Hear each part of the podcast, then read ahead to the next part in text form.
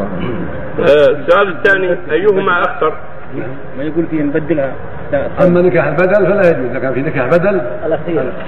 إذا كان نكاح النكاح على غيره بدل ما يجوز. لأن هذا هو نكاح الشراء.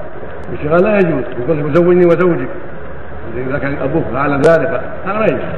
ذلك ان تفارقها. إذا كان شراء زوجني وزوج تعطيه بنت تعطي بنتك وقته ويعطيك بنتها وقته هذا الشرار المنهي عنه. لا يجوز ولو فيه مال على الصحيح ولو بذل فيه مال.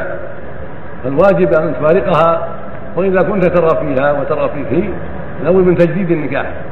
تجديد نكاح جديد بدون شرط المراه الاخرى تتفق مع ولي معها وليها على تجديد النكاح من دون شرط المراه الاخرى ويصح العقد حينئذ وتسلم من شر الأول. والأولاد لاحقون بنجل الشبهة.